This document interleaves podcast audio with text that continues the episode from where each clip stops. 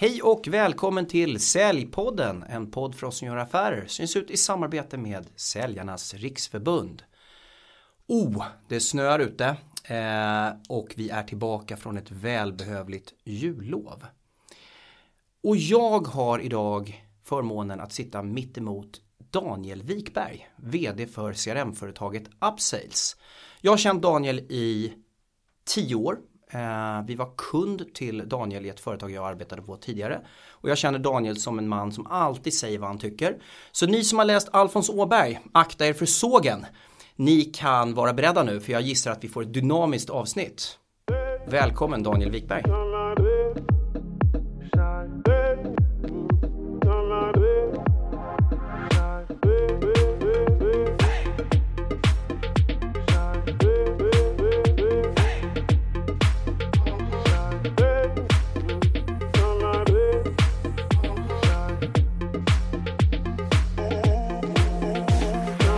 Tack så mycket.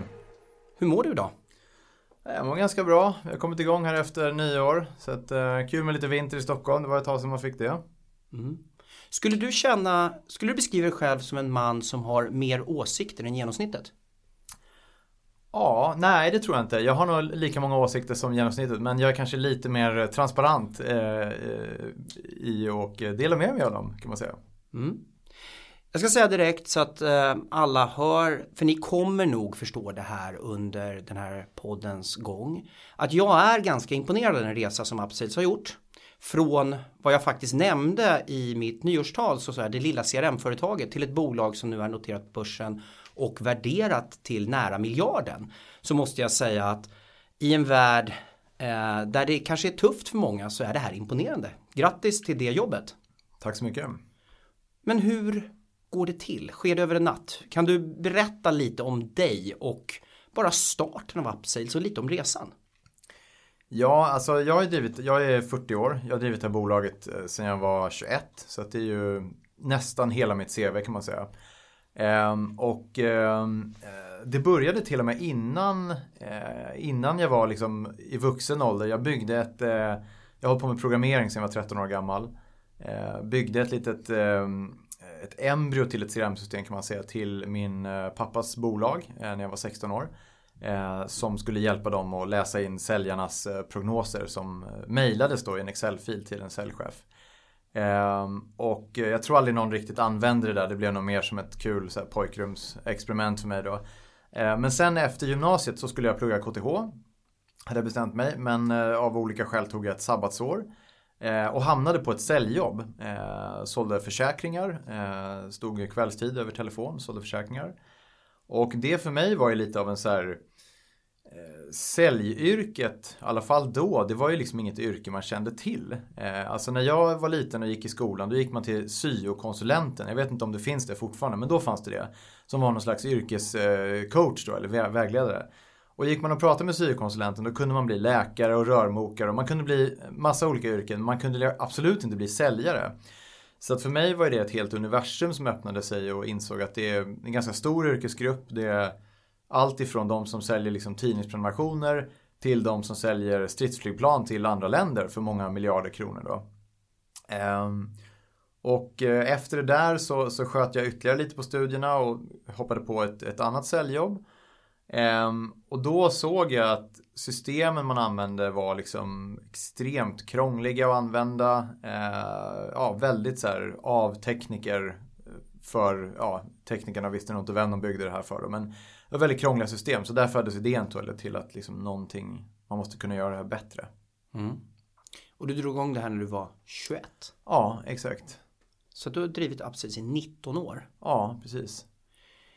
Vad skulle du säga är den största framgångsfaktorn för dig i den här resan? Att den faktiskt har gått så väl så här långt. Saker kan ju fortfarande gå snett men, men så här långt har det gått väldigt bra. Jag gissar att det har gått upp och ner under den här tiden.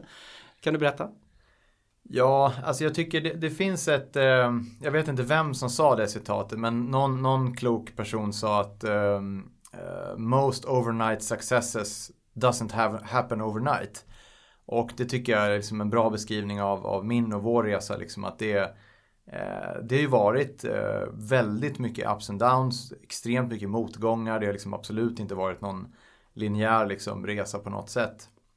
Sista åren har det gått väldigt bra men, men, men det har varit liksom, ja, jäkligt mycket hårt jobb och mycket motgångar.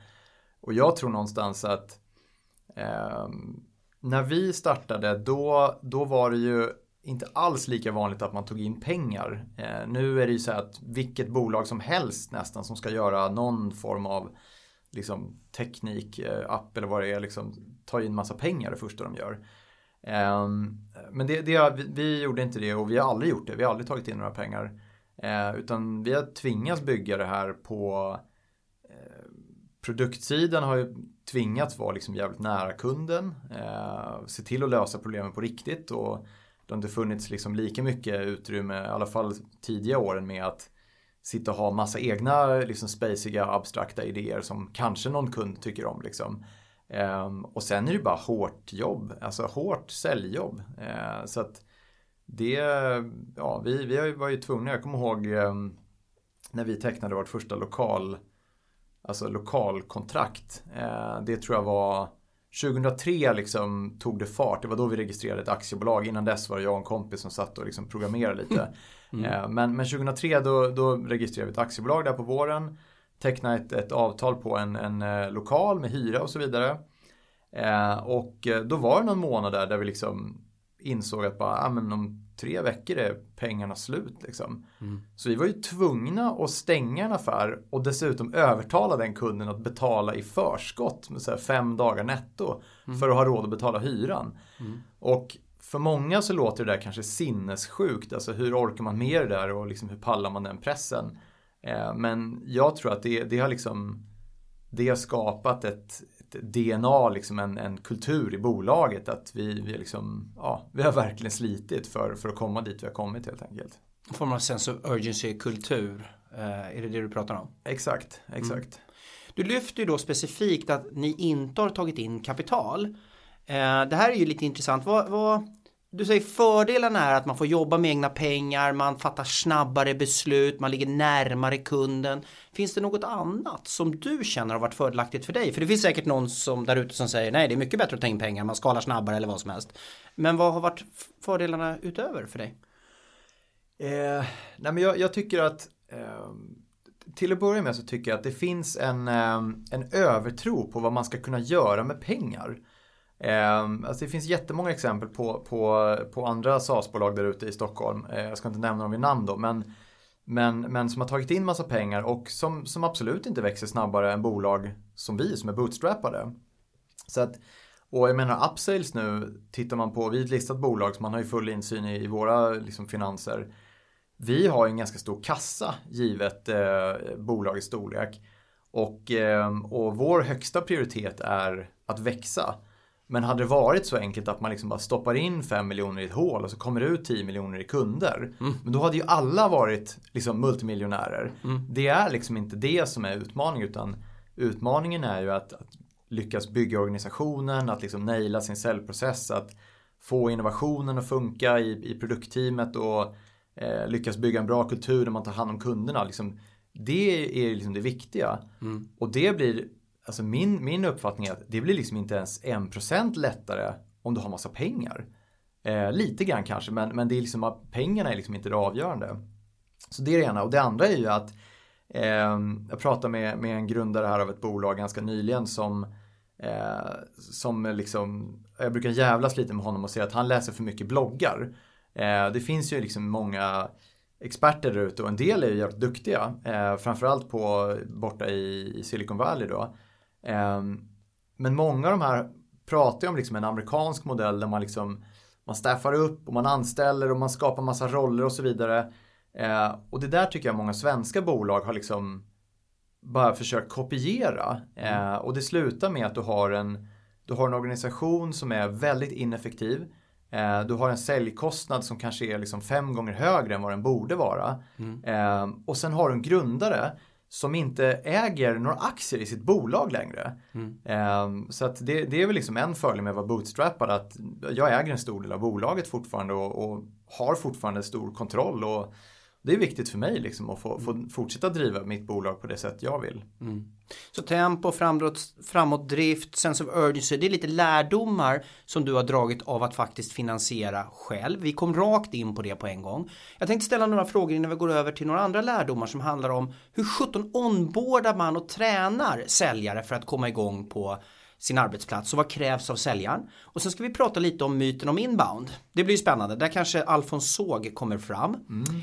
Eh, men först, för jag orkar inte riktigt googla. Är det okej okay att du är min concierge vad gäller det här? Absolut. Vad omsätter ni? Eh, så att eh, förra året omsatte vi runt 70 miljoner. Vad gör ni för vinst?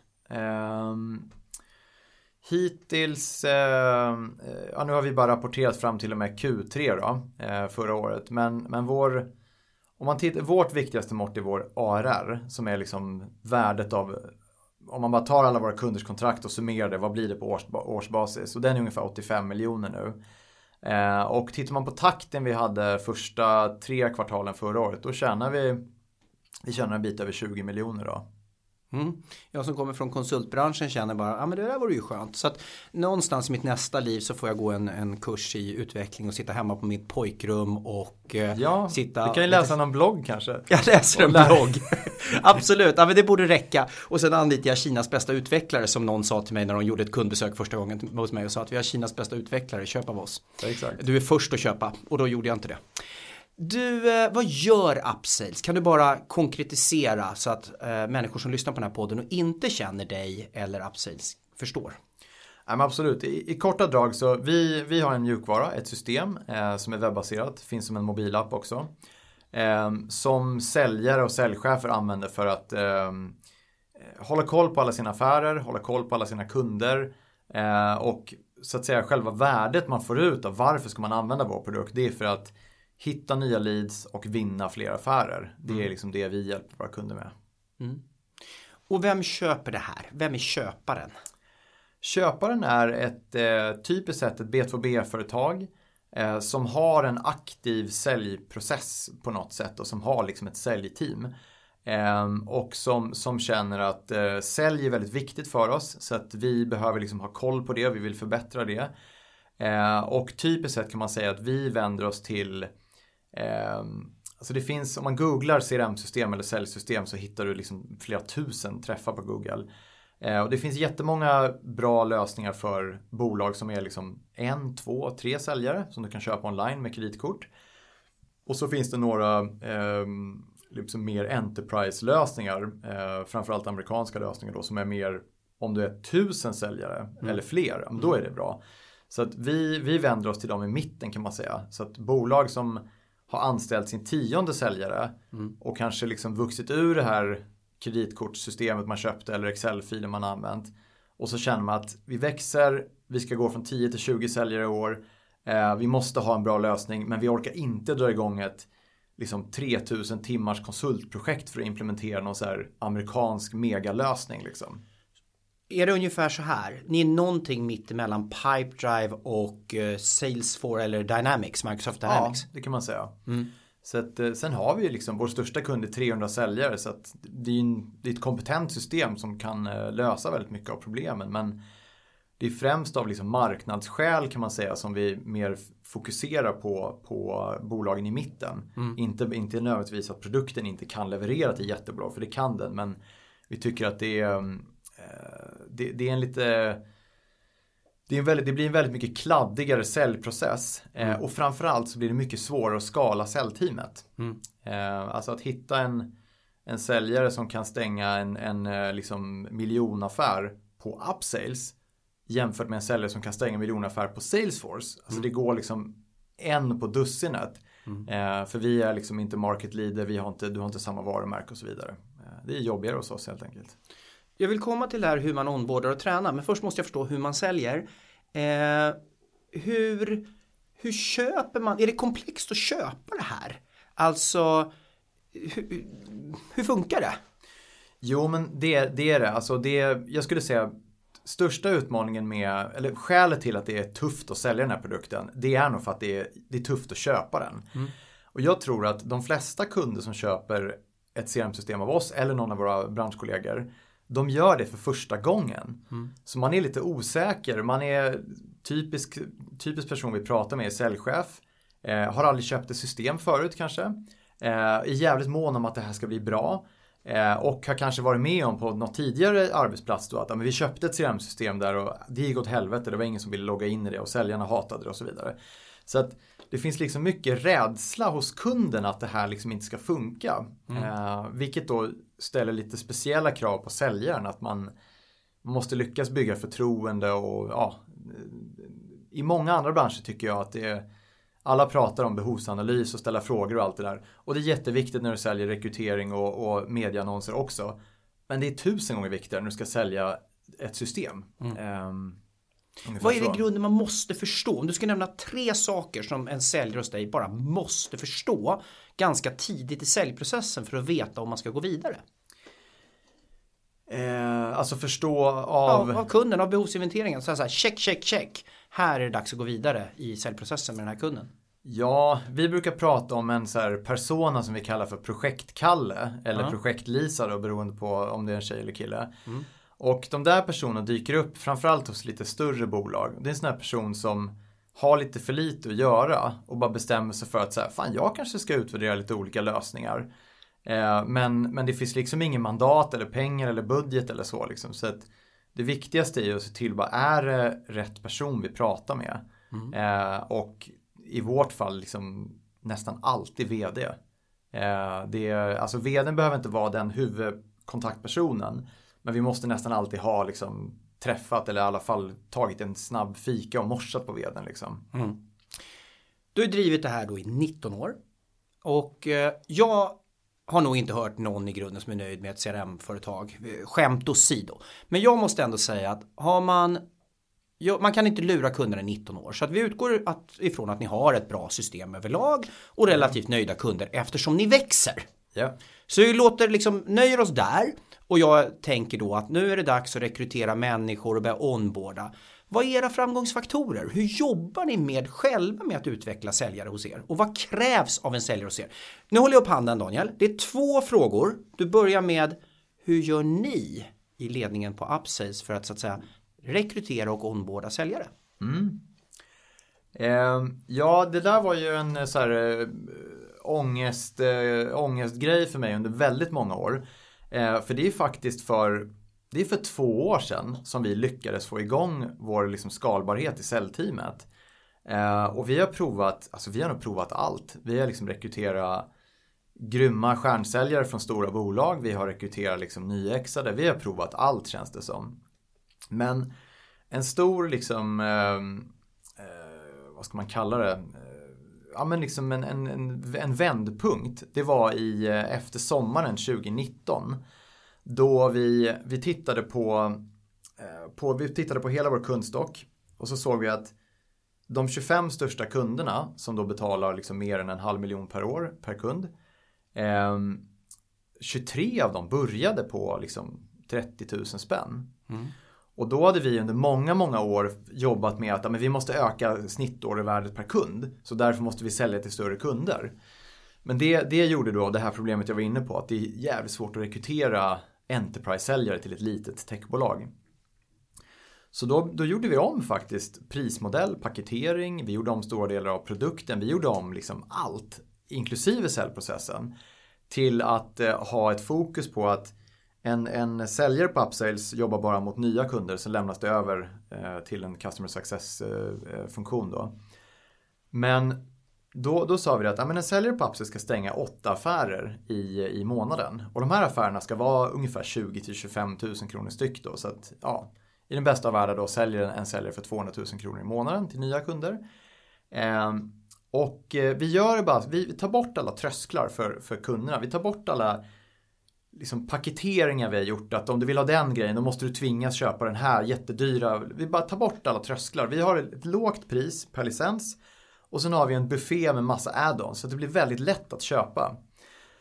Och eh, sen dess har vi då gått från två till ja, närmare 15 säljare på ett och ett halvt år.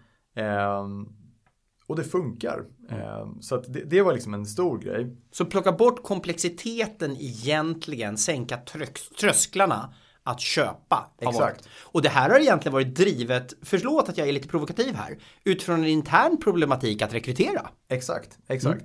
Ja, det är okej. Man får ju hitta sina drivkrafter och det är bra. Har det funkat? Nej men det funkar jättebra. Eh, Så att nu, nu växer vi och liksom, nu är målet att liksom växa väldigt snabbt då. Så att förhoppningen är väl att vi är kanske 30-40 säljare i slutet av eh, året då. Ehm, Och parallellt med det här så, så har vi jobbat extremt mycket då med eh, ja, en bootcamp-liknande onboarding. Där vi, ehm, eh, onboardingen är åtta veckor. Eh, en säljare ska stänga sin första affär inom åtta veckor. Och eh, vi hade liksom två som gjorde det där den där första hösten. Och då var det lite så här, lite läskigt att sätta det som krav på de andra. Eh, För vi visste ju inte om, hade vi bara haft flax med de här två eller är det liksom ett rimligt, en rimlig, ett rimligt krav då. Eh, Men alla som liksom har lyckats har, har gjort det. Eh, ti- till och med några som liksom har droppat av under onboarding som inte riktigt har klarat hela vägen har också stängt sin första affär inom åtta veckor. Så att vi har tagit fram ett väldigt så här, eh, lite Navy Seals inspirerat eh, onboardingprogram där, där det är liksom, ja men det är full fart från dag ett. Så att eh, nya säljare de gör ett produkttest efter två veckor, 500 frågor, 85% rätt ska du ha. Eh, sen går vi vidare till prospektering eh, där vi liksom tränar och nöter hur vi bokar möten. Ehm, och där tror jag vi vi liksom vågar gå in i detaljerna. Alltså jag tror många säljchefer tycker liksom så här, jag kan ju inte säga till mina säljare vad de ska säga till, till kunderna. Min bild är ju liksom att säljaren är ju för fan tränaren, säljaren, eller säljchefen. Säljchefens uppgift är att lära säljarna, om de inte redan är superseniora, hur man gör. Eh, och är du på ditt första jobb, du är nyexad, du kommer inte gissa rätt. Du kommer inte gissa liksom det perfekta säljsamtalet eller den perfekta demon. Det går liksom inte. Eh, kanske en av hundra gör det, men, men de flesta gör inte det. Så, att, så där har vi en väldigt detaljerad liksom säljträning med allt ifrån hur vi bokar möten, hur vi liksom genomför möten. Och då det är liksom manus så på väldigt detaljerad nivå. Ehm, Får jag försöka att summera och ställa en fråga som är lite för ledande men Ja. en sak som jag gillar i det du säger det är att säga så här vi satte ett mål om att man ska göra sin första affär inom de här åtta veckorna ja. och vi visste inte om vi skulle våga göra det här ibland när man sätter mål så ställer man ju då blir ju kraven på säljaren men jag uppfattar att det här också ställer krav på er Exakt. i att faktiskt träna den här individen och att det Exakt. är inställningen till det här är ett samarbete. Exakt. För det här tror jag är jätteviktigt att man lyssnar till att mål handlar inte om att ställa krav för att bli av med människor och behålla de bästa bara. Det handlar ju Exakt. om ömsesidighet. Nej men och det, det tycker jag, vi är väldigt stolta för det vi har fått till där med, liksom som säljteamet gör nu och säljchefen. Det är, det, är, det är ett fantastiskt introprogram liksom. Och jag, jag är helt övertygad om att liksom om du tar tio, de, om vi rekryterar tio personer och eh, låt säga att eh, liksom i alla fall åtta är kvar efter tre, fyra månader och liksom verkar funka och, och klara sin provanställning och allting. Eh, så tror jag att kanske fyra hade varit kvar ho- hos en konkurrent med exakt samma förutsättningar. Eh, för, just på grund av det här träningsprogrammet. Så det, det har verkligen en, en effekt alltså. Men om man har en struktur i träningsprogrammet som ni verkar ha. Man har en tydlighet i målbilden som då Ja. är av ömsesidighet. Att vi måste lyckas träna upp dig och du har då självklart krav på dig att lyckas med det här. Ja, Då uppfattar jag att du rakt ut säger också att man inte ska vara rädd för instruerande ledarskapet. nej. Nej, för då är vi ju i samma båt och då kanske man till och med uppskattar det. Men, men det här med instruktion, hur hittar de sin egen väg? Finns det områden där de faktiskt får trial and error köra i den här modellen? Jo, men sälj är ju ändå så pass dynamiskt att det, det är ju ändå stora ansvaret ligger ju ändå på individen. Eh, alltså hur mycket vi än tränar så det, det är inte alla som kommer klara det. Ehm, och man måste ju kunna tänka själv. Så att eh, det är ju, det är ju framförallt i början som det är viktigt att man liksom Okej, vecka tre då har man klarat det här produkttestet. Då vill vi att du ska boka dina första x antal möten. Vecka fyra så gör du några möten och då har vi en sån här trestegsmodell då att första steget då är, då är säljchefen med eller säljcoachen och, och leder en ganska stor del av mötet. Är det här en eller två personer? Är det samma person? Säljchefen, säljcoachen? Det är samma person. Bra. Mm. Ehm, så att så, så då är liksom säljchefen är aktiv och liksom leder mötet. Och sen efter första mötet så liksom, ja men nu får du köra intro och behovsanalysen. Och så gör säljaren det och så kanske säljchefen hoppar in för att rädda det liksom, om det är på väg att gå helt åt skogen då. Um, sen ganska snabbt så, så, går vi till steg två och då i och med att vi kör bara webbmöten nu. Det gjorde vi faktiskt också innan. Vi ställde om till det innan corona. Så mm. vi hade någon sån här sinnessjukt flax med vår timing där. Men då steg två, då sitter liksom säljaren sitter på ena sidan bordet och säljchefen sitter på andra sidan bordet och är med. Så kunden ser liksom inte att någon annan är med i rummet så att säga. Mm. Eh, och då håller säljchefen upp massa lappar liksom med så här Fråga det här liksom, gå på mm. avslut ungefär. Mm. Eh, så liksom coacha med, genom att vifta kan man säga. Mm. Eh, och det, det, funkar också väldigt bra. Och sen då eh, steg tre, då kör säljaren själv liksom. Mm. Och det här går ganska fort. Det är liksom två, tre veckor. Sen är säljaren igång och kör egna möten. Mm. Och då är säljchefen med kanske på var femte möte och ger feedback. Och så spelar vi in alla möten så vi sitter efteråt och analyserar och ger feedback och så. Men det som är bra med det här tycker jag med, du var inne på det här med krav. Det är att nu är det så pass många som har gått igenom det här så vi är trygga med att säga att liksom, klarar man inte produkttestet med den här nivån då är det en hård gräns. Då liksom får man hoppa av sin onboarding. Eh, och eh, man får liksom inte bara en chans, man får en chans till och sådär mm. såklart. Men, men, men vi vet, vi är ändå trygga med att ställa hårda krav. Och samma sak då med, vid det här vecka fem så ska du boka så här många möten, du ska ha gjort så här många möten och så vidare. Mm. Och sen följer det där med då ända fram till säljaren börjar ha en riktig månadsbudget. Och det blir, alltså det blir otroligt transparent, det blir väldigt ärligt. Mm. Eh, och när vi intervjuar då innan vi signar nya personer så sista intervjun är liksom man brukar prata om att man ska sälja in jobbet. Vi liksom antisäljer då mer så här. Det här är liksom, vi har höga krav och lyckas man så är det skitkul. Men det är kanske inte för alla. Mm. Det, det liksom finns massa andra bolag som passar liksom passar mm. människor mycket bättre än att jobba hos oss liksom. Mm. Och det är ingen skam i det. Det är bara att vi gör på vårt sätt. Mm. Liksom. Så i det här kravställandet så finns det självklart ett hjärta. Det är inte, det är inte vitt eller svart det här. Helt Nej, enkelt. exakt. Nej. Nej, men jag, jag, tror att det här är, det är en viktig aspekt det här. Jag, jag jobbar ju väldigt mycket med coachning och då var det någon som sa att du ger nya perspektiv, tydlighet och tydlighet skapar lugn. Exakt. Nu ska Alfons fram. Ja. Och vi ska prata lite om det här med myten om inbound. Och jag ja. ringde dig i april när jag kände mig lite vilse i en specifik fråga. Jag var nog ganska övertygad men jag behövde bolla en sak. Och då pratade du lite om det här. Så när jag tog kontakt med dig så kände jag att det här ska vi ta upp igen. Vad menar du med myten om inbound? Ja men då är vi tillbaka till liksom blogglandskapet och alla experter där på LinkedIn eh, som finns då. Eh, alltså väldigt få bolag lyckas växa snabbt och skala med en 100% inbound-modell. Att, att en stor del av säljet, liksom lejonparten av säljet är bara leads som kommer in. Eh, om du liksom vill växa med, alltså du vill anställa fler säljare i kvartalet, du vill liksom växa med ja, 20, 30, 40, 50 procent liksom över tid. Eh, det, är liksom, det är inget bolag som har lyckats med det bara på inbound. Det är en myt. Så att det här med att cold calling är dött och man ska bara skriva bloggar och white papers och sånt. Det är klart att man ska använda digitala verktyg. Men liksom majoriteten av affärer som görs där ute hos bolag som växer snabbt görs genom att någon lyfter på luren och ringer till en kund. Eh, det bara är så.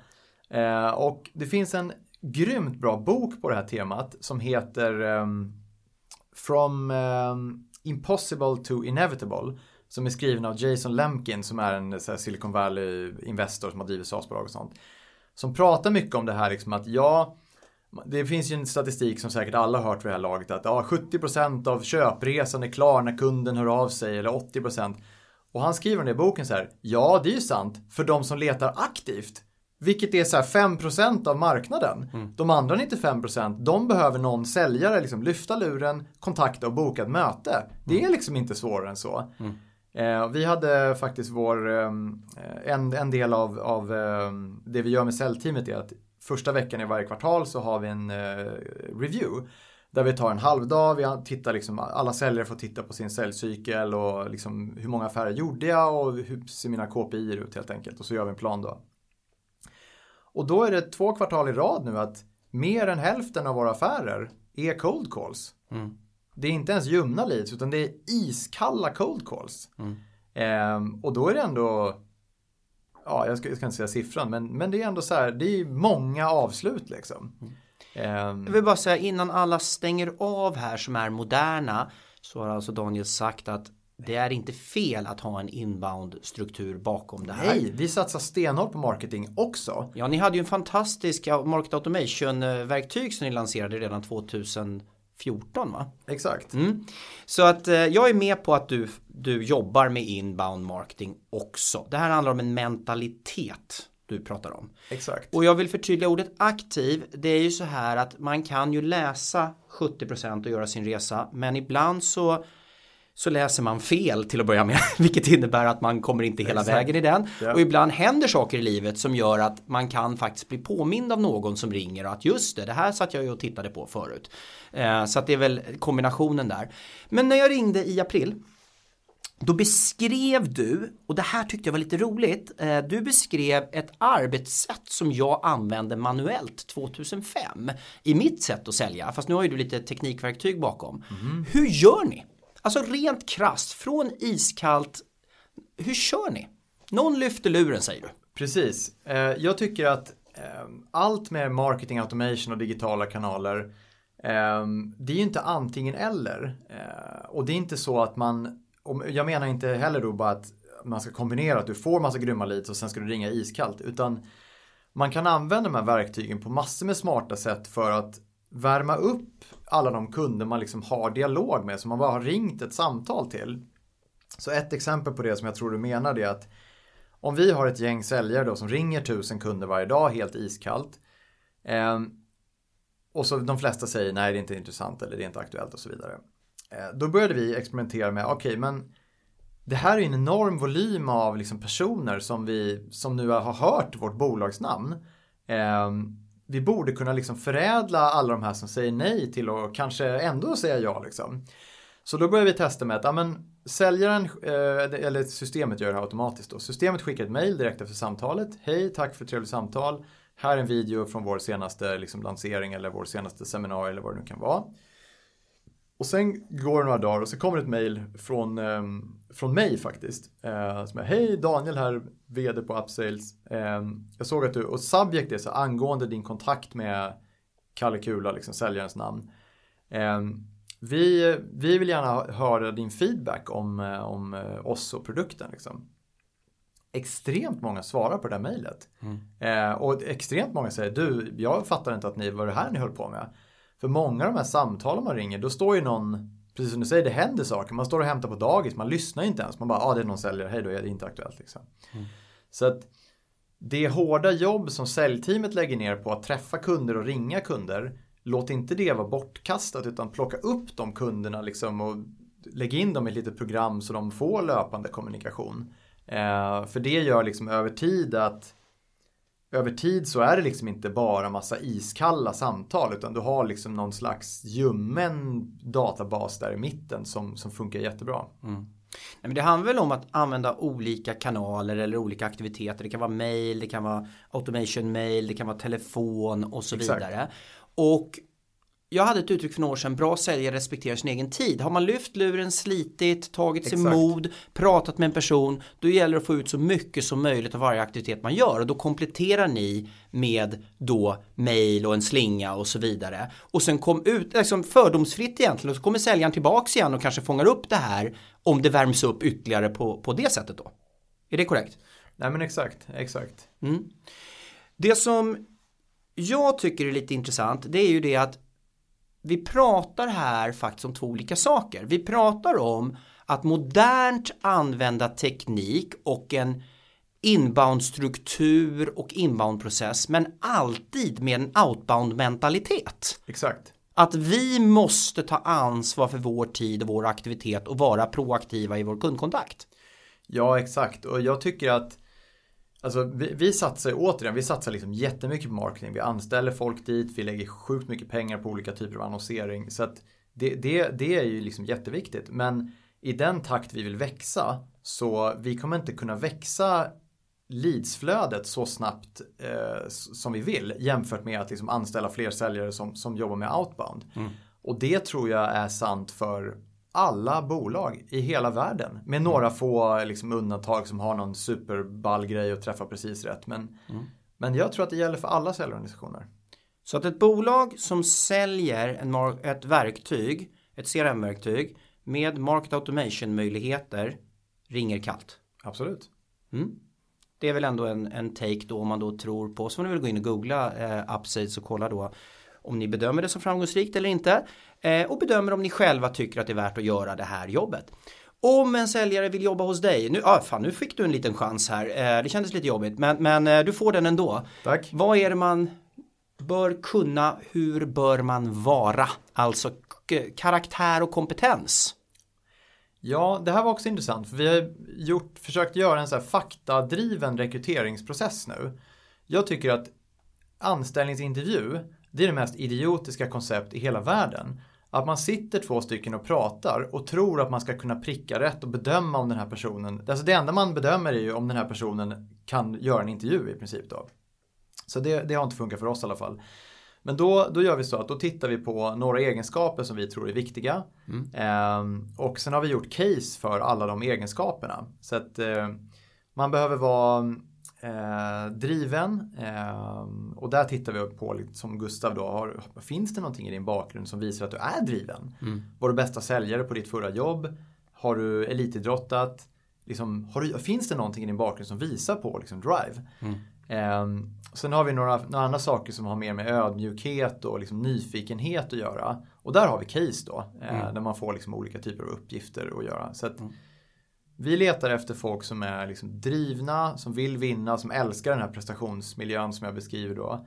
Eh, men som också har liksom en smartness och en ödmjukhet. Mm. Ehm, men ni har, det är ingen chitchat-samtal ni har, men ni har en strukturerad beteendeintervju och ni har case. Absolut. Ja, och ni har fastställt en kravprofil väldigt tydligt med både egenskaper och kunskaper som ni vill hitta. Yes. Så att eh, intervjun finns där, men ni kompletterar med case och som sagt en struktur kring hur ni arbetar med intervjuförfarandet. Ja. ja. Och jag ska göra lite reklam för en av våra leverantörer också, som vi jobbat med ett tag, eh, Kaliper-profilen.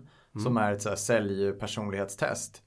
Eh, det är gjort, jag tror man har gjort en och en halv miljon säljare har gjort det. Så man har ganska mycket data på att när testet ser ut så där då vet vi att säljaren är så många mer procent sannolik att lyckas och så vidare. Hur som helst. Jag har varit ganska skeptisk till alla sådana här tester och tycker att äh, de liksom funkar inte riktigt.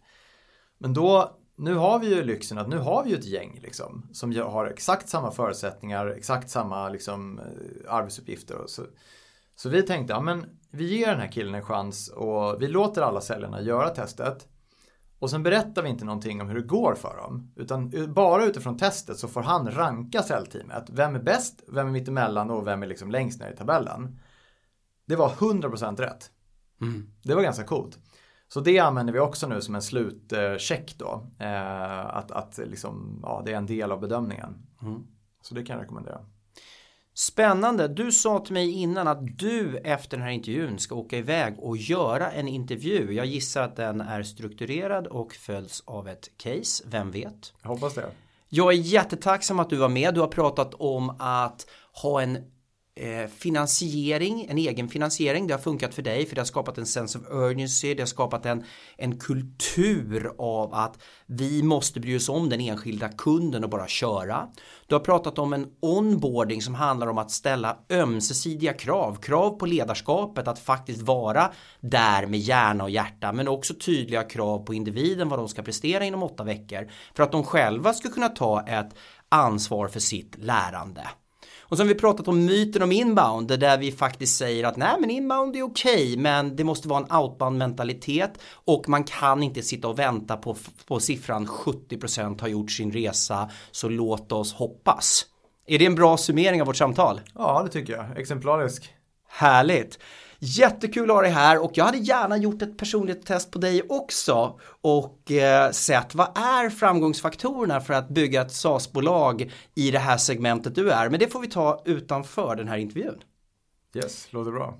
Stort tack Daniel Wikberg eh, och tack för att ni lyssnar på Säljpodden och eh, har ni inte satt mål för er själva, sätt mål, var inte rädda för det.